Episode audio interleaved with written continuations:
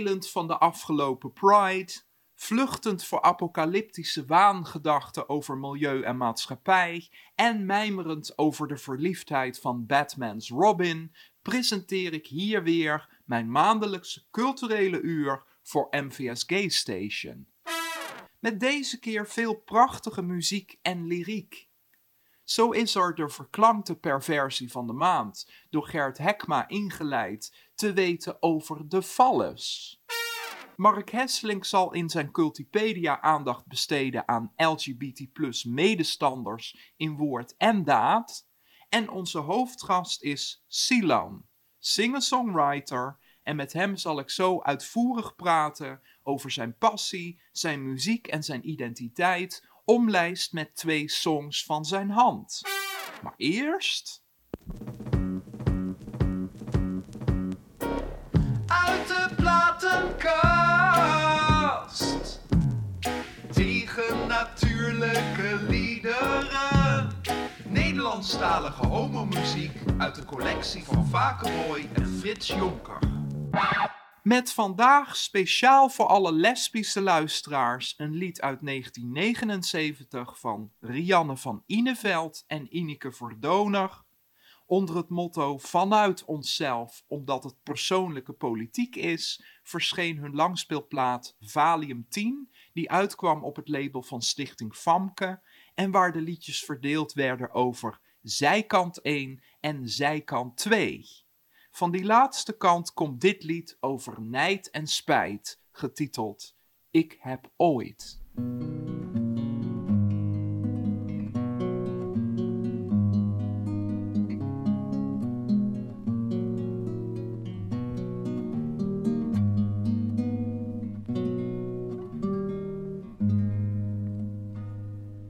Ooit nog eens van je gehouden. Ik had je onvoorstelbaar lief. Kuste de grond waarop je liep. Zelfs zo zat met je te trouwen. Zo'n zwijn zijn parelen vreet. Vrat je mij de armoedzaaier. Speelde je held, beschermer, maaier. God de vader van het leed.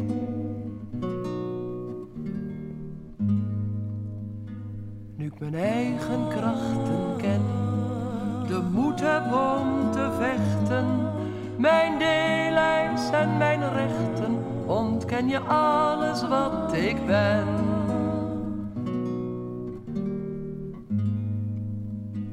Verdwijn, ik heb je niet nodig, onafhankelijk van jou ben je volkomen overbodig. Ik hield al jaren van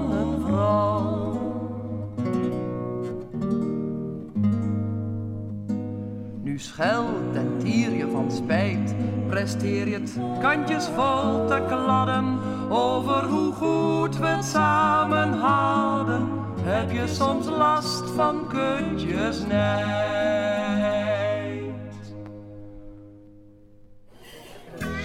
Koffie, lekker bakje koffie. Heb je vers met een Brusselse kermis? Op de koffie bij Silan Macroy. Zeg ik het goed? Je zegt Als je moeder goed. dat zegt. Zoals mijn Ja. moeder het zegt. Fonetisch is het dus S-I-L-A-N. Maar je schrijft dus X-I-L-L-A-N. Dus veel mensen hier noemen mij Xilan. En ik vind allebei oké. Alleen mijn moeder noemt me Silan. Zeg je het goed. Nou, we zijn hier in Amsterdam-Oost in een repetitieruimte van Q Factory. Ben je hier vaak eigenlijk? Het is een hele compacte studio.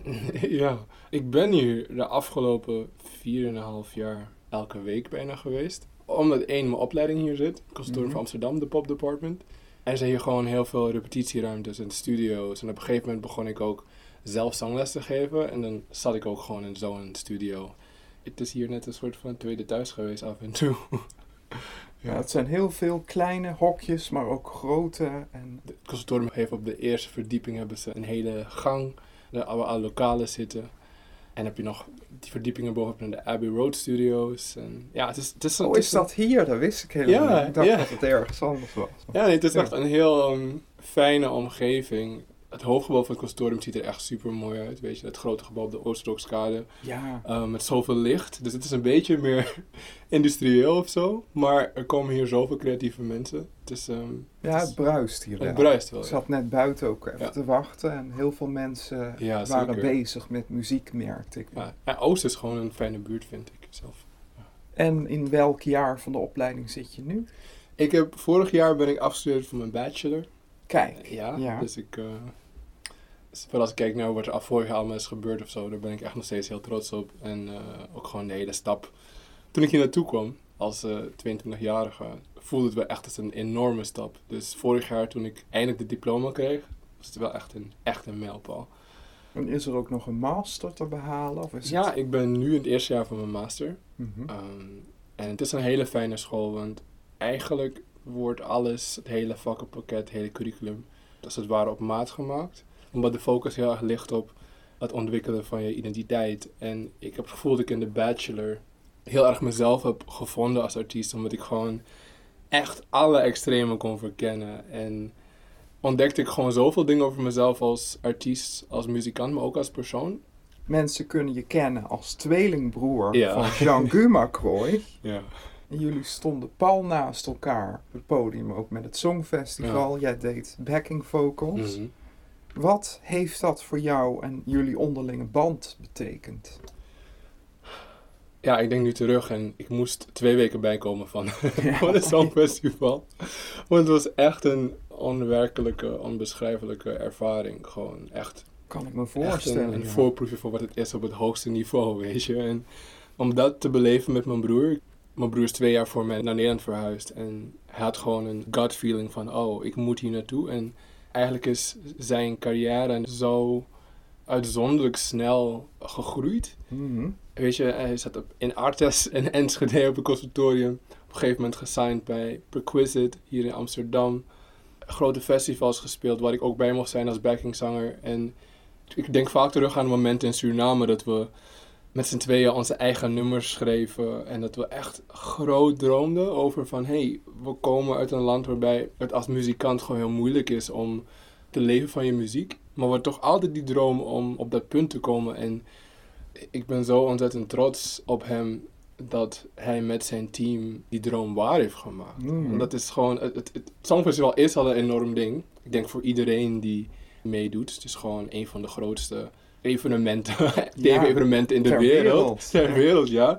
Maar als ik, vooral als ik kijk naar waar we vandaan komen en wat het allemaal heeft gekost om daar te komen, dan ben ik heel dankbaar dat ik een broer heb die op die manier echt een inspiratie is. Zelfs Mhm. voor mij.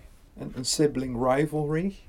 N- Dat nou, ook, ook denken, ja, ik had hiervoor kunnen staan en hij backing Nee, vocal. dus eh, het grappige is dat het nooit zo heeft gevoeld. En, en ik snap heel goed waar, en ik krijg deze vraag best vaak of zo, en ik begrijp heel goed waar het vandaan komt.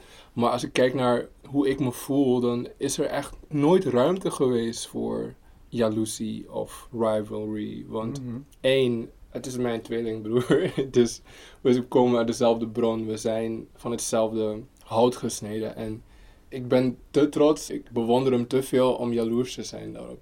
En twee, mijn broer heeft de gewoonte om iedereen die hij kan helpen mee te nemen en zijn succes te delen. En ik heb het gevoel dat mijn broer op die manier heel erg gul is geweest met zijn succes door mij. Vanaf het begin met zijn band. Eh, ik speelde in kleine cafeetjes en daarna festivals als Lowlands en North Sea Jazz. Tot aan dit moment dat hij gewoon ervoor heeft gekozen om dat met mij te delen. Maar het lijkt me ook enorm dat hij zich gesteund door jou voelt. Of dat je elkaar ontzettend steunt op zo'n moment van Mhm. gaan nu. Nu moet het gebeuren. Ja, we deden het ook nog samen met ehm Milaisa Breveld, Amelie. Dat is iemand die we onze zus noemen, omdat we zo'n hechte band hebben. En wat je zegt, Shangu voelde zich ook enorm gesteund dat we het eigenlijk met familie deden. En zelfs de danser die erbij was, Gilles de Grit, die energie klopte gewoon zo. Het was alsof we elkaar al zo lang kenden. Ik denk dat dat belangrijk is voor elke artiest. Dat de mensen waarmee je werkt, dat die op meerdere levels je begrijpen en er voor je zijn als het nodig is. Want er staat heel veel druk op je als je daar... Ja, als je daar ongelooflijk zeg. Ja. Ja. Wanneer is de liefde voor muziek bij jou ontstaan? En wie hebben jou geïnspireerd? Ja, goeie vraag. Er zijn niet echt professionele muzikanten in mijn familie, maar wel echt enorm grote liefhebbers van muziek. Mijn vroegste herinneringen zijn van wakker worden met mijn moeder die luidkeels mee aan het zingen was met Mariah Carey of Tony Braxton of Cher. Weet je, gewoon de grote diva's Oh, ja. van de 90s. en dan mijn vader, die had ook, als we met hem in de auto zaten, was het ook altijd, weet je, of Bob Marley of Luther Vandross of, weet je, echt ook een bepaald soort muziek dat ons beeld van kwaliteit van muziek heeft getriggerd. Mhm. Die liefde was, dat was eigenlijk het zaadje voor de liefde. En toen Django en ik zeven jaar oud waren, had een van onze liefste tantes had een band op haar verjaardag. En toen mochten we één nummer zingen. Dus toen zongen we Hero van Erika Iglesias. Oh, en, en dat was het eerste moment dat we daar stonden met de microfoon. En dat iedereen naar ons keek. En dat we voelden wat muziek kon doen. Want toen was het heel schattig. Oh, die tweeling die zingt, die zingen een liedje. Oh, wat lief, weet je. En, Maar dat was een van de eerste momenten ook dat we dachten van... Oké, dit is iets anders, something else. En langzaam toen we van... Oh, we kunnen een beetje zingen. Koor geweest, maar het vond niet zo leuk, want we wilden eigenlijk lied zingen. Toen kregen we ons eerst gitaar en de rest is eigenlijk geschiedenis eigenlijk. Want vanaf het moment dat we eerst gitaar kregen en we onze eerste nummers hebben geschreven, was het, dat was het gewoon. Het was zo ontzettend verslavend om, als het ware uit het niks, gewoon muziek te maken en woorden bij elkaar te Mhm. zetten. En, hoe oud waren jullie toen? Ah, we waren 13 toen we onze gitaar kregen, maar 15 toen we ons eerste nummer schreven. Dus net de baard in de keel. Net de baard in de keel. Net twee baritonnen geworden. Net twee Ja. baritonnen geworden, ja zeker. En, en dan gingen jullie samen zitten en jammen. Allebei met een gitaar? Allebei met de gitaar, ja. Later kregen we nog keyboard erbij. Maar vooral gitaar was het. Dat is een heel makkelijk instrument. Neem je overal mee naartoe. Als er tantes op bezoek komen, dan eh, zet je er gewoon neer. En dan ga je gewoon een nummer spelen voor de tantes. En eigenlijk die tantes die waren ons, echt ons eerste publiek. De eerste mensen die feedback konden geven. Waardoor we merkten van, oh oké, dit nummer vonden ze oké. maar dat nummer vonden ze echt geweldig. Dus als, Die het- houden erin. Ja, ja, precies. Hoe was het om op te groeien in Suriname en te beseffen dat je queer was? Ja, ik, voor mij was dat best moeilijk. Omdat ik vooral moeite had met de verwachtingen die er naar mijn gevoel waren over queer zijn. Aan de ene kant wilde ik heel graag het beeld van mannelijkheid, dat in de macho-cultuur in Suriname eigenlijk geprezen werd, dat wilde ik heel graag zijn. Aan de andere kant wist ik dat ik dat niet helemaal was, maar ik was ook niet het stereotype beeld van, weet je, van eh, Flamboyant. flamboyant zijn of heel vrouwelijk zijn. Dat was ik ook niet. En voor mij was er gewoon geen middenweg. Er was geen, er was wat extreme. Of je bent super mannelijk, super macho, of je bent gewoon, om zo te zeggen, mietje. En Mhm. ik ben nu blij dat ik zie dat er gewoon zoveel kleuren tussen die zitten en dat het geen zwart-wit wereld is. En dat, dat, ja, dat je gewoon voor jezelf kan invullen wat queer zijn betekent. Maar ik vond het dus daar heel moeilijk en ik was... Ik wat, ben wat eigenlijk... deed je dan? Hmm, was je straight passing dan? Kon je ervoor doorgaan? Of hadden mensen het überhaupt door? Ik denk dat ik op een bepaalde manier wel straight passing was. Op een gegeven moment heb ik het wel verteld gewoon aan- vrienden. En ze zeggen dat moeders altijd alles weten. Dus mijn moeder voelde het aankomen. Ook omdat Shangu eerst uit de kast was gekomen bij haar. Maar ik denk dat dat straight passing zijn, dat dat wel een privilege of zo. Als je in de kast wil blijven. Want niet iedereen En- en- heeft die bescherming of zo. Of Dan ben ik ook nieuwsgierig. Was dat voor jullie twee even makkelijk? Hoe, voel je dat? Ik denk dat, ik denk dat Shangu, dat zijn acceptatieproces wat sneller was. Maar ik kan niet voor hem Hmm. praten op die manier natuurlijk. Maar ik weet dat Shangu Suriname op een gegeven moment wel gay vrienden had. En echt wel de community ook meer opzocht. Nog niet zoals hier, want Shangu is ook gewoon in Suriname denk ik ook niet echt uit de kast geweest. Hij zegt altijd dat hij op het vliegtuig stapte en op het moment dat hij hier het vliegtuig uitstapte was hij ook uit de kast. En voor mij was het toen zo moeilijk om te praten over mijn identiteit, omdat het dus zoveel onzekerheid triggerde. dat ik zelfs met hem het heel moeilijk vond om te praten over het queer zijn. Omdat het te dichtbij kwam. Het werd te echt of zo. En wat betekende het dan voor jou toen jij die vliegtuigtrap naar beneden liep eh, in Nederland? Ja, ik weet wel dat ik, dat ik met de gedachte uit het vliegtuig stapte dat er hier meer vrijheid was om op een normale manier mensen te ontmoeten en naar clubs te gaan en te daten. En ook al wil ik niet zeggen dat, de queer community in Suriname heel erg ehm, geketend is of zo. Mhm. Eh, de queer community in Suriname maakt echt grote stappen en de pride wordt steeds groter. Maar toen ik verhuisde, had ik dat gevoel nog niet in Suriname. Dus voor mij was het niet ineens van, ah, hier ben ik. Maar het was, langzaam dat ik eindelijk de ruimte had om het acceptatieproces voor mezelf te beleven.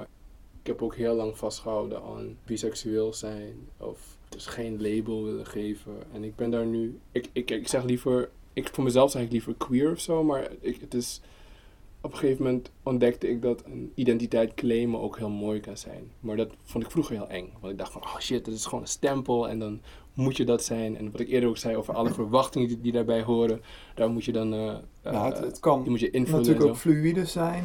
Ja. er is Ja. niks mis mee om het even niet te weten. Ja. ja. Precies, en dat, ik vond het heel fijn dat ik gewoon hier die ruimte had om het even niet te weten. En heb je de schade ingehaald ondertussen? dus gaat ingehaald.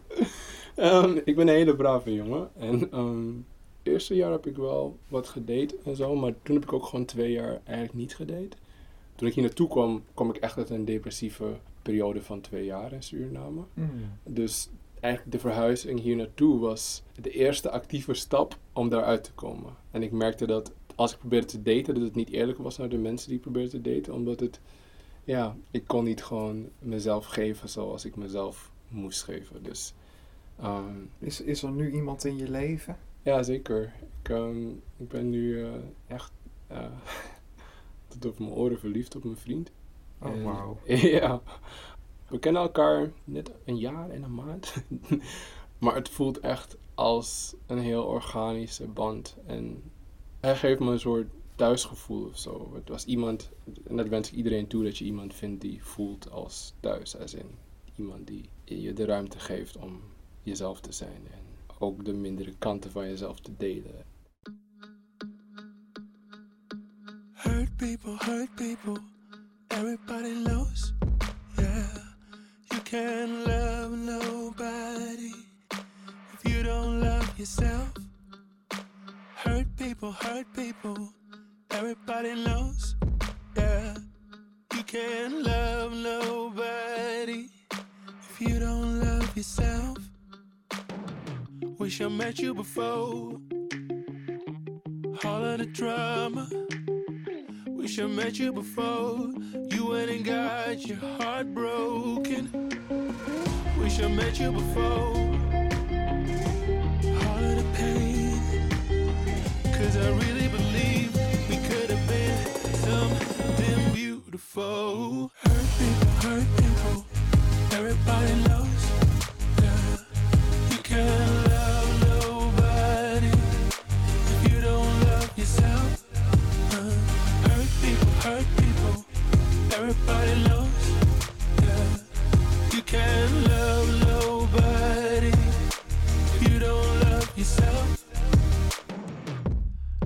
So naive, babe. Wanted to believe that you could be somebody who can love somebody like me. Now look at what you done to me. I'm such a fucking mess. I never thought I'd be somebody who could love somebody like you. Yeah. Who hurt you, boy? Who made you cry?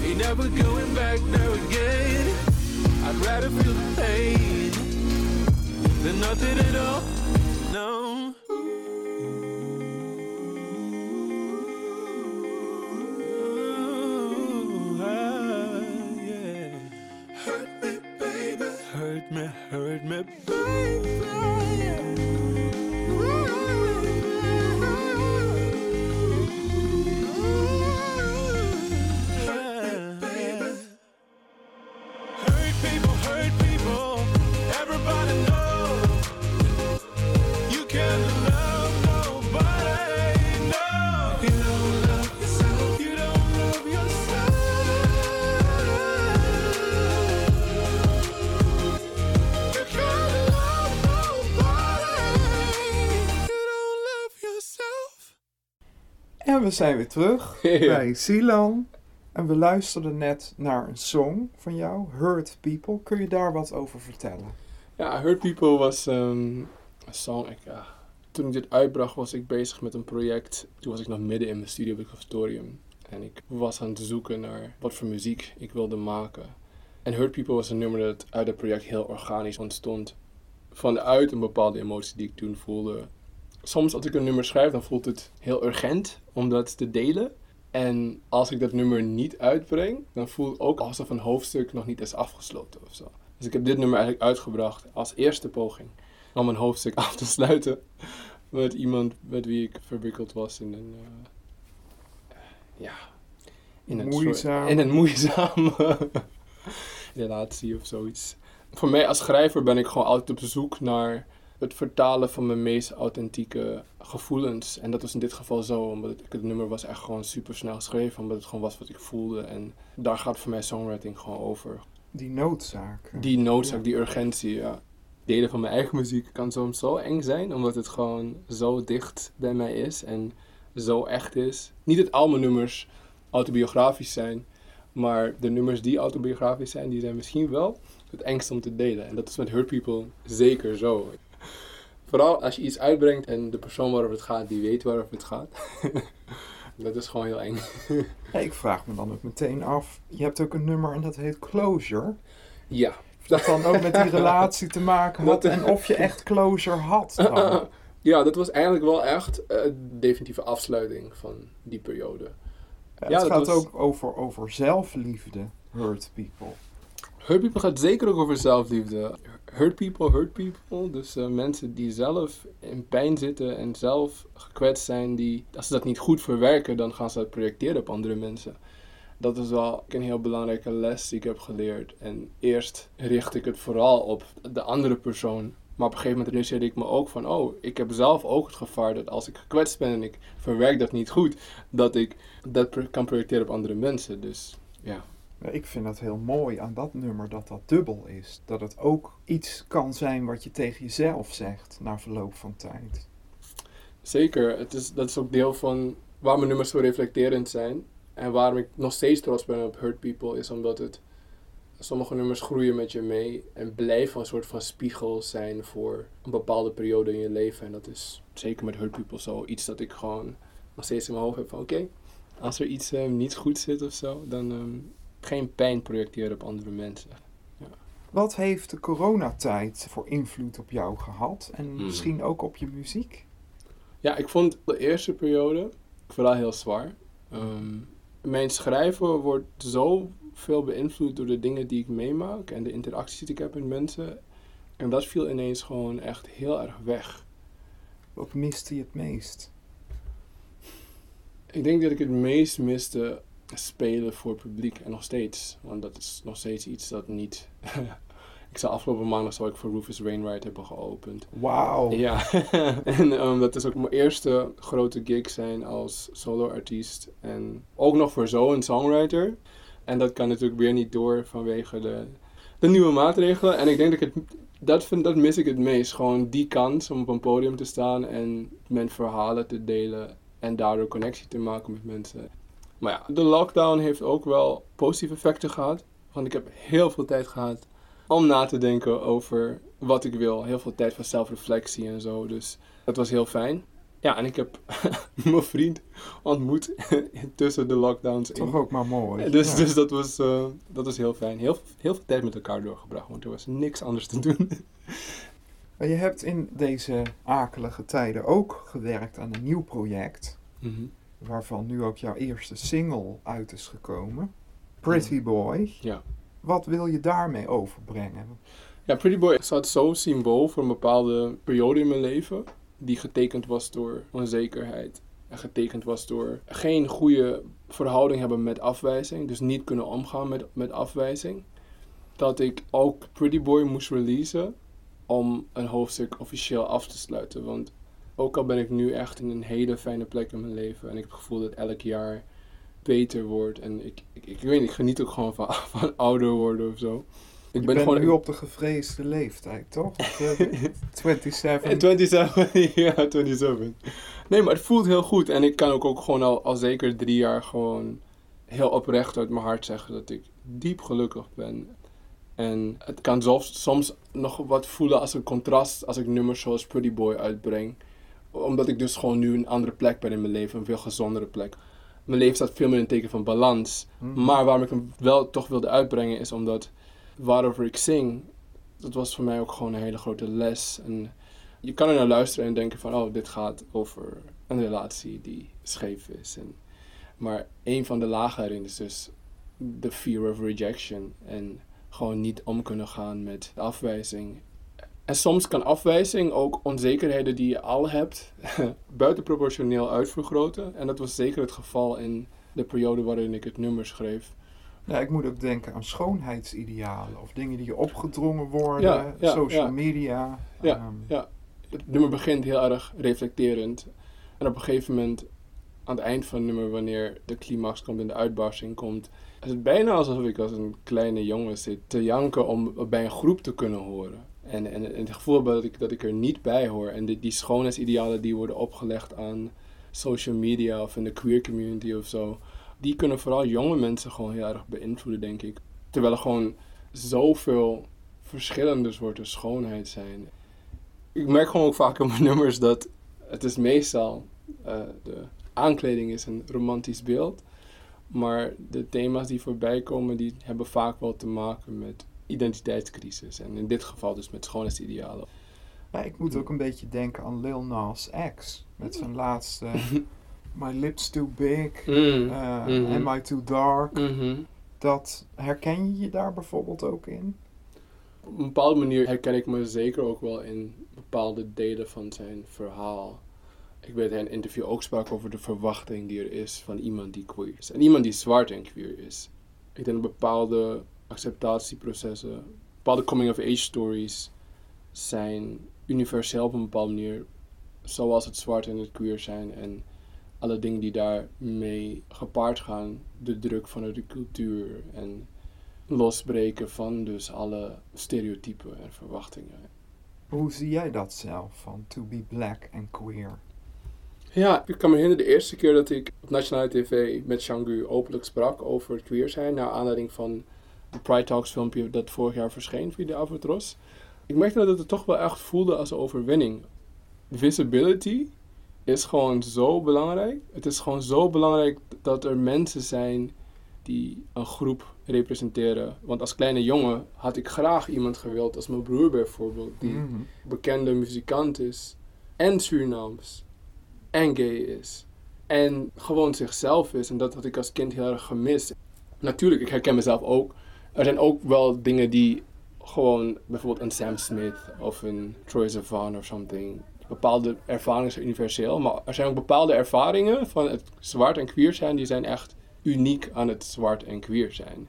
Kun je daar één voorbeeld van geven? Kijk, elke cultuur heeft een bepaald beeld van mannelijkheid dat wordt opgelegd aan jonge jongens. Maar het beeld van mannelijkheid in Suriname verschilt wel degelijk van het beeld van mannelijkheid dat er hier is in Nederland. Of tenminste, het verbaast me bijvoorbeeld dat ik hier de straight jongens die ik ken, dat die intiemer met elkaar kunnen zijn in hun vriendschappen. Vrijer als het gaat om aanraking en veel vrijer als het gaat om de conversaties die ze kunnen hebben. En terwijl, toen ik opgroeide bijvoorbeeld, waren bepaalde dingen die gewoon not done waren. Bepaalde handelingen, bepaalde lichamelijke houding, bepaalde de manier van praten. Er was gewoon een soort van gedragscode die je moest volgen om het beeld van mannelijkheid te vervullen. Hoe zou jij jouw eigen stijl of je signature willen beschrijven? Wat een typische Silan-song. Ja, typische Silan song. Nou, mijn songs zijn ehm, heel vaak autobiografisch, als niet semi-autobiografisch. Dat zeg ik nu, maar ik hou ook heel veel van kruipen in de huid van andere personages. Maar altijd wel op een bepaalde manier wel gedramatiseerd of zo in de ervaring. Dus emoties die uitvergroot worden. En ik hou er gewoon heel erg van om mijn stem als instrument te gebruiken. En ik denk dat mijn manier van taalgebruik, dus de lyrics, in combinatie met mijn stem, dat dat de kern vormt van mijn muziek, muzikale identi- identiteit. Maar hoe muzikaal bijvoorbeeld, eh, wat vind je lekker om te doen? Mhm. Of om je stem op een bepaalde manier te gebruiken?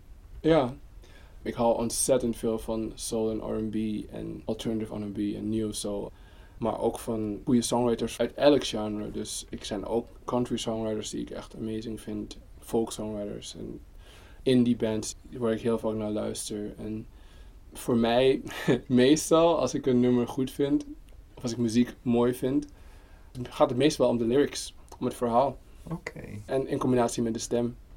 Ik hoop dat het een beetje antwoord is, want ik luister echt naar, echt naar van alles. Ehm, Kun je dan een voorbeeld geven van een nummer wat, je, ja, wat recent is en wat je hoorde van iemand anders en dat je dacht, oeh, ik wou dat ik het geschreven zou hebben of wat je zelf ook, ook zingt in je vrije tijd? Of, een nummer waarvan ik wens dat ik het geschreven had. Er zijn echt een aantal nummers waarvan ik wens dat ik het geschreven had. Ik luisterde vandaag naar Fink en het nummer Honesty. Dat is echt zo'n nummer waarvan je hoort van, oh, dit komt uit zo'n pure emotie. En er zit een bepaalde urgentie aan en hij meent elk woord dat hij zingt. Het is best een boos nummer. Maar niet over de top boos, maar echt een soort van vulkaan die op het punt van uitbarsten staat. En ik vind het zo knap dat hij dat gevoel van... Meestal luister ik... Er zijn niet heel veel songs waarin woede heel mooi kan worden vertaald naar muziek of zo. Maar ik vind dit echt prachtig. Zo'n song waarin de emotie zo goed wordt gepakt en wordt vertaald naar muziek. Dat is wel zo'n song die ik zou willen wensen waarvan ik... Ja, ik wens dat ik dit had geschreven of zo. Ja. Maar er zijn heel veel songs waarvan ik denk van... Ah, well I written wish- song. well ja. written song, I wish I wrote it. Nou, voor we naar Pretty Boy gaan luisteren, Mhm. Mhm. waar kunnen mensen meer over jou horen en zien? Hmm, ja, vooral Instagram. ik, ehm, daar ben ik het gewoon het meest actief. Dus het is eh apenstaartje X-I-L underscore L-A-N. Dus Silan. En Spotify onder mijn eigen naam. Dat is vooral waar je me kan vinden. En ik hoop straks weer op eh, verschillende podia door het hele land heen. Ja, hoe, hoe, zie je, hoe zie je jezelf over één jaar? Over- Over één jaar wil ik graag op regelmatige basis mijn muziek delen met mensen die mijn muziek willen horen. Voor één jaar wil ik graag projecten die nu in ontwikkeling zijn en straks in de startblokken staan. Ik wil graag dat die worden gedeeld met de mensen die me volgen. Ja, laten we het hopen dat alles er open gaat en dat Ja. al je dromen waar worden. Hartstikke bedankt. Dankjewel, Robert. Dankjewel.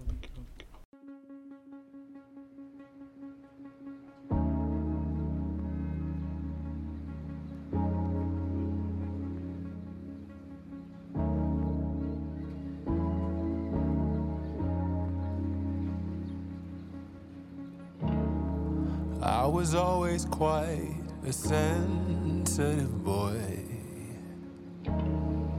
Every cool kid's favorite toy. And I was used to being used, pushed around, kept in place, bended backwards till I bruised. Blame my poor romantic mind for the mess we made. We got these white lies all piled up and dirty. It's both a blessing and a curse. See the beauty in everything. Everything. I saw beauty in your pride.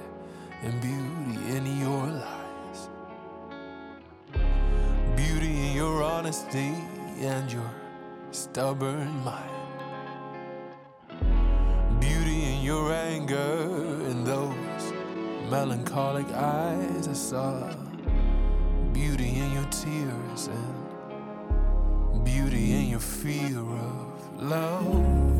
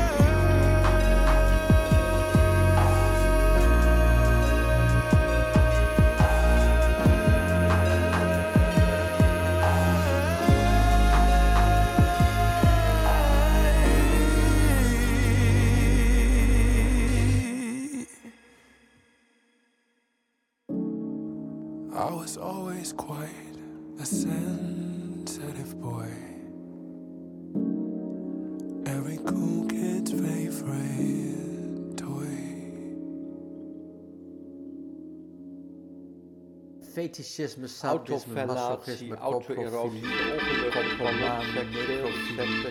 onderdanigheid, kinderzielen, dynastie, dominantie, bijnsisme, dogma, donkere kamer, willen, doorraadslage, rovenseks, bioseks, dokterseks, brandweer, ecogeur, illuminatie, electroseks, eonisme, montage, onanie, ABC van perversies van Gert Hekma.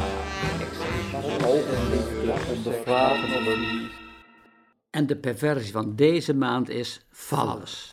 De phallus is het symbool van mannelijke macht. Dat is heel iets anders dan een penis of een lul, veel fysiekere termen. Daarom is fallofilie een fout woord voor de voorkeur voor grote geslachtsdelen. Een even lelijk woord is macrogenitalisme. Een gewoon Nederlands en prima woord is grote lullenliefde. Voor deze veel voorkomende interesse van knechten voor paardenmannen en van de laatste voor elkaar bestaat in Amsterdam een club van horsemen en knights. Wie van 16 plus houdt, en nu eens niet in jaren, maar in centimeters, of dat in huis heeft, is daar te vinden. De liefhebbers van het stevige handwerk kunnen maar beter uitwerken naar andere clubs. Niet iedereen is overigens even gecharmeerd van de grote maat. Op zijn Amsterdams verdedigen pinkeltjes zich met de zegswijze liever een kleine die stijgen dan een grote die weigert. There's a in my and it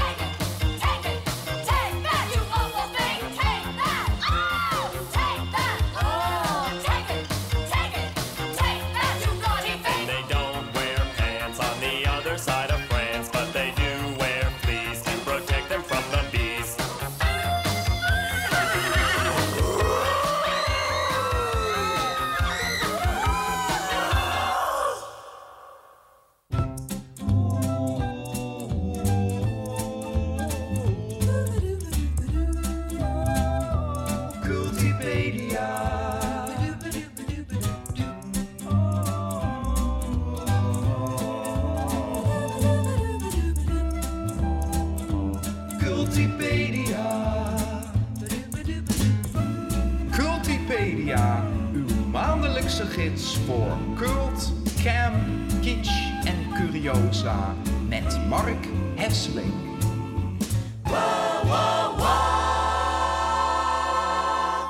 I wanna be a slave, I wanna a master. I wanna make your heart beat round like roller coasters. I wanna be a good boy, I wanna be a gangster. Cause you could be the beauty and I could be the monster. I love you since this morning, no, just for aesthetic. I wanna touch your body so fucking electric. I know you're scared of me, you say that I'm too eccentric. I'm crying all my tears and that's fucking pathetic. Woe! Ja, dat pakt er even in, hè? Lekker ja. Dit komt me bekend voor. Wat is dit ook alweer? Nou, dan heb je goed het nieuws gevolgd. Een beetje nog voor Pride. En in het kader van de diversiteit heb ik deze keer een Cultipedia vol hetero's voor je. Doe maar. Ja, Ja. nou, ik, ik neem je eerst even mee terug naar het Eurovisie Songfestival. Want wat je net hoorde, dat was de winnaar van het Songfestival, de Italiaanse band Måneskin, overigens niet met dit nummer. En toen ik ze zag op het Songfestival, toen kreeg ik eigenlijk een hele fijne queer vibe. Die mannen op die hoge hakken en die hebben toch wel heftige make-up. Het zag er allemaal heel genderbenderig uit. Lekker Maar ja. niks queer. Genderbending is nou eenmaal hip en happening. En de leden van Måneskin zijn heteroseksueel. Maar, en dat heb jij waarschijnlijk gezien, toen zij een paar weken geleden optraden op een festival in Polen, toen hebben aan het einde van het nummer wat je net hoorde, I Wanna Be Your Slave, de zanger en de gitarist elkaar aan het einde van het nummer een hartstochtelijke kus op de mond gegeven. En daarbij verklaarden zij dat zij dat deden uit protest tegen de discriminerende anti-homo-wetgeving in Polen. En daarmee afficheerden zij zich als allies, als gay allies of straight allies, net hoe je het bekijkt, maar in ieder geval bondgenoten. Geallieerden. Ja. Mensen die niet tot de lettersoep behoren, maar ons wel steunen in woord en daad in de strijd tegen onrecht en discriminatie. En of het nou komt door wat er in Rusland en, en Polen en Hongarije allemaal gebeurt, ik weet het niet. Maar ik heb het idee dat ik steeds meer van dat soort bondgenoten zie. Of dat ze in ieder geval steeds zichtbaarder worden. Ik heb nog nooit zoveel regenboogvlaggen in de stad gezien als afgelopen Pride. Sommige straten echt gevel aan gevel. En niet alleen Pride, maar in bepaalde buurten van de stad, bijvoorbeeld, ik heb dat in Eiburg al gezien en, en in de Pijp, waar dan een LHBT-buurtgenoot getreiterd of geïntimideerd of bedreigd of weet ik veel was. En andere buurtgenoten hun steun wilden laten zien door die regenboogvlag buiten te hangen. En dat is, Indische buurt, niet te vergeten. ja, het is op meer plekken in de stad. En daar hangen echt al het hele jaar regenboogvlaggen buiten. Ik vind dat toch wel mooi en bijzonder. Ja, en ook in hogere kringen. Onze minister-president, toen ik die laatst hoorde over de wetgeving in Hongarije, dacht ik, ik heb hem eigenlijk nooit zo fel over dit onderwerp gehoord als nu. Royalty. De Britse prins William heeft inmiddels een stevige reputatie als een grote vriend van de LHBT-beweging. En dan hebben we ja, onze eigen koning Willem-Alexander. Ik heb het gevoel dat hij Wat heeft hij gedaan? nou, dat hij Ja. toch eh, wel een lesje geleerd heeft van dat foute biertje met Poetin. Hij en koningin Maxima zijn allebei inmiddels op bezoek geweest bij het COC. En in toespraken, als je heel goed luistert, hoor je af en toe de seksuele, eh, hoe noemt hij dat nou? Eh, de gerichtheid. De, de seksuele gerichtheid hoor je voorbij komen. En nou ja, als je nagaat dat, dat het Koningshuis altijd zo'n 40 jaar achterloopt, is dat natuurlijk toch wel heel revolutionair. De sport. Had jij kort geleden kunnen bedenken dat topvoetballers zouden voetballen met een armbandje in regenboogkleuren om hun protest te laten horen tegen de wetgeving in landen waar ze tegen spelen of waar ze inspelen? Nee. Het gebeurt nu. De Formule 1, de meest wereldvreemde sport die er is, draait het echt alleen maar om geld. En toch, vooraanstaande rijders, grote namen als Lewis Hamilton en Sebastian Vettel, hebben zich inmiddels bondgenoot getoond. Vettel, een paar weken geleden tijdens de Grand Prix van Hongarije, verscheen hij in een regenboogkleurig t-shirt. Heeft hij vreselijk veel gedonder mee gehad. Hongaren woedend, officiële berisping door de organisatie. En toen heeft hij gezegd, dan disqualificeren ze me maar. Dit is belangrijk. Is het niet een beetje symboolpolitiek? Ja, maar het, is wel, het zijn wel belangrijke symbolen. Het is toch wel iedere keer als zo'n man dat doet daar tijdens een Grand Prix in Hongarije, dan staat dat land gewoon voor gek. Nee hoor, ik vind dat heel belangrijk. Nou ja, en dan de showbiz, natuurlijk ons expertisegebied. Eh, ik heb geen enkele pretentie om hier volledig te zijn. Maar denk aan heteroseksuele acteurs die belangrijke homorollen spelen. Denk Tom Hanks, Philadelphia, Sean Penn in Milk. En recent nog James Corden in The Prom. Heeft hij veel kritiek voor gehad, maar ik vond het toch wel dapper en mooi dat hij dat deed. En herinner jij deze nog?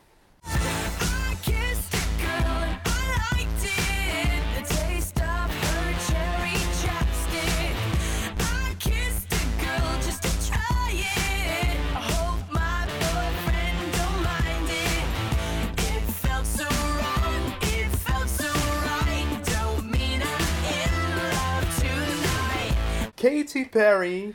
De zeer heteroseksuele Katy Perry, mag ik daaraan toevoegen.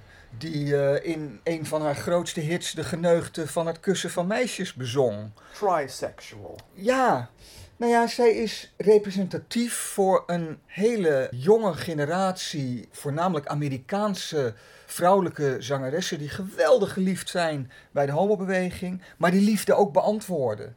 En daarmee treden ze natuurlijk in de voetsporen van legendes Cher, Bette Midler, Dolly Parton, Lady Gaga, Madonna. Allemaal vrouwen die echt de LHBT-emancipatie vooruit hebben geholpen. Nou ja, en ik wil dan niet in herhalingen vervallen, maar ik nodig iedereen toch graag ook uit om onze Cultipedia over Nashville nog eens te beluisteren. over de bondgenoten in de country en western scene, want die waren er ook. In Nederland vind ik dat de jonge generatie het een klein beetje af laat weten. Net als we van Max Verstappen ook niks gehoord hebben. Heeft misschien wel mee te maken dat we natuurlijk een hele grote LHBT-vertegenwoordiging hebben in het Nederlandse artiestendom. Maar van Lil Kleine of de familie Hazes verwacht ik op dit gebied niet veel. Maar we hebben natuurlijk ook onze legendes gehad. De zangeres zonder naam, ik moet haar toch weer noemen, want het is zo baanbrekend wat zij heeft gedaan. Willeke Alberti natuurlijk, maar ook iemand als Annie M. G. Schmid, weet je, die later in haar musicals teksten heeft geschreven die niets aan duidelijkheid te wensen overlieten.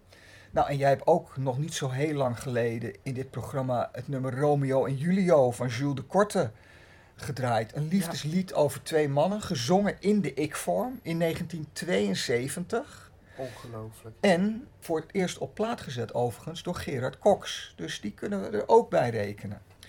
Nou, mooi. Ik heb hier tenslotte nog een paar hele onverwachte. Echt een paar waar ik het nooit van gedacht had. Wat dacht je van Bob Dylan? Bob Dylan? De oude mopperpot. De grote held van iedere boze witte heteroseksuele man op de wereld. Maar zie daar, in 2018, kort geleden nog, eh, heeft hij zijn medewerking verleend aan een project dat heette Universal Love. Waarin bekende liefdesliedjes van gender werden veranderd. Dus de he's werden she's en andersom. En gezongen werden door artiesten die je over het algemeen niet met de LHBT-beweging associeert. En Bob Dylan koos voor een heel oud nummer. Onder andere nog bekendgemaakt door Billie Holiday. She's Funny That Way. En eh, nou ja, luister maar. I'm not much to look at, nothing to see. Just glad I'm living lucky to be. I got a man crazy for me. He's funny that way. I can't save a dollar, ain't worth a cent. He'd never holler, he'd live in a tent. I got a man crazy for me. He's funny that way. Wauw. Verrassend, hè? Ja. Johan Derksen draait zich om in zijn graf. Fuck Johan Derksen. Ja, en dan Rod Stewart. Vond ik ook heel Stewart. verrassend. Een van de grootste Britse popsterren van de jaren 70. En ik herinner me echt nog dat hij een ontzettende womanizer was. Altijd aan iedere vinger tien fotomodellen. Een monument voor heteroseksualiteit.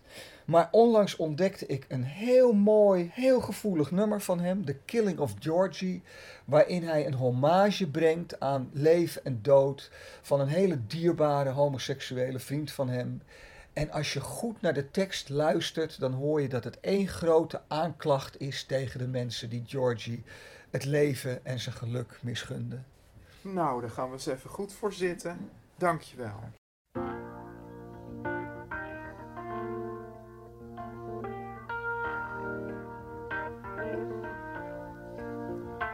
Oh yeah.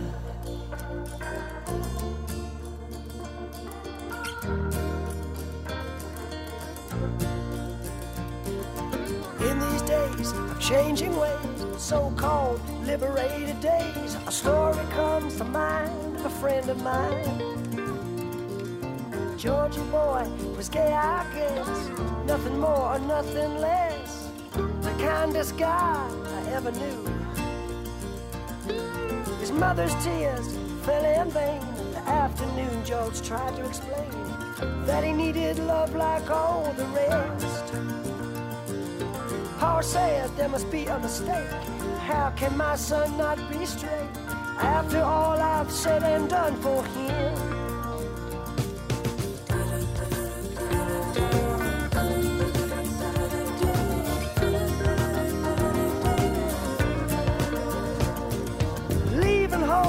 Greyhound bus, cast out by the ones he loves, a victim of these gay days, it seems.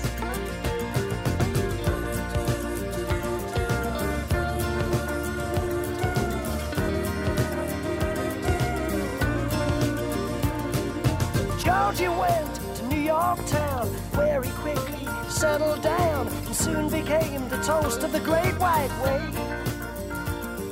Accepted by Manhattan's elite in all the places that were chic, no party was complete without George.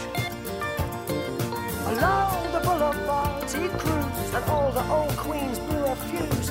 Everybody loved Georgie boy.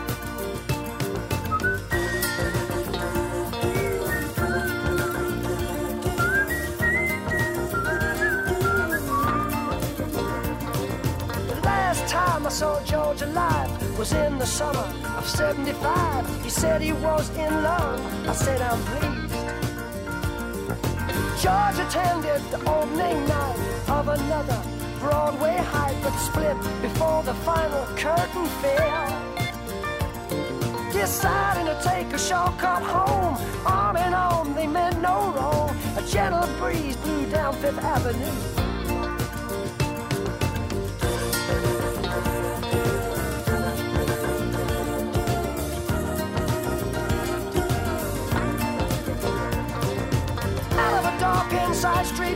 A New Jersey gang with just one aim to roll some innocent passerby.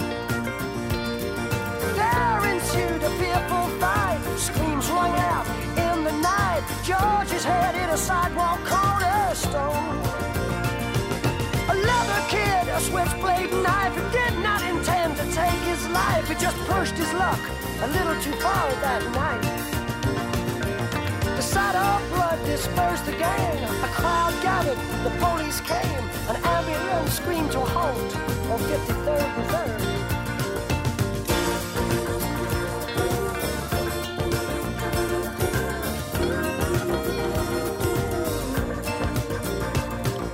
George's life ended there, but I ask who really cares. George once said to me, and I quote, said, never wait or hesitate. Get in, kid, before it's too late. You may never get another chance. Cause youth's a mask, but it don't last. Live it long and live it fast.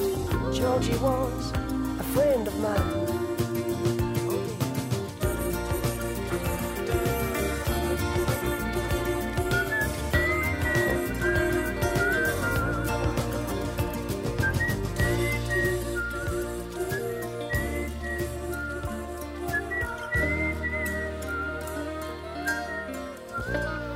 Was Culti Culti 95.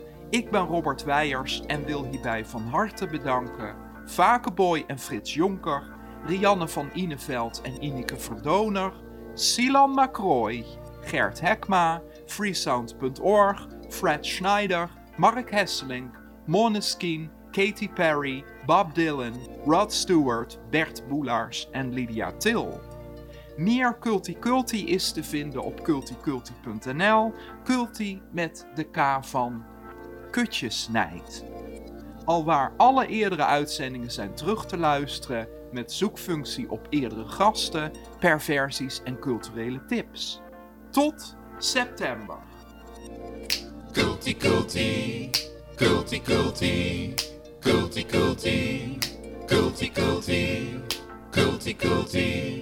culti culti, culti culti, culti culti, culti. Dit was NVS Radio. Voor meer informatie en media ga naar www.nvs.nl. NVS Station.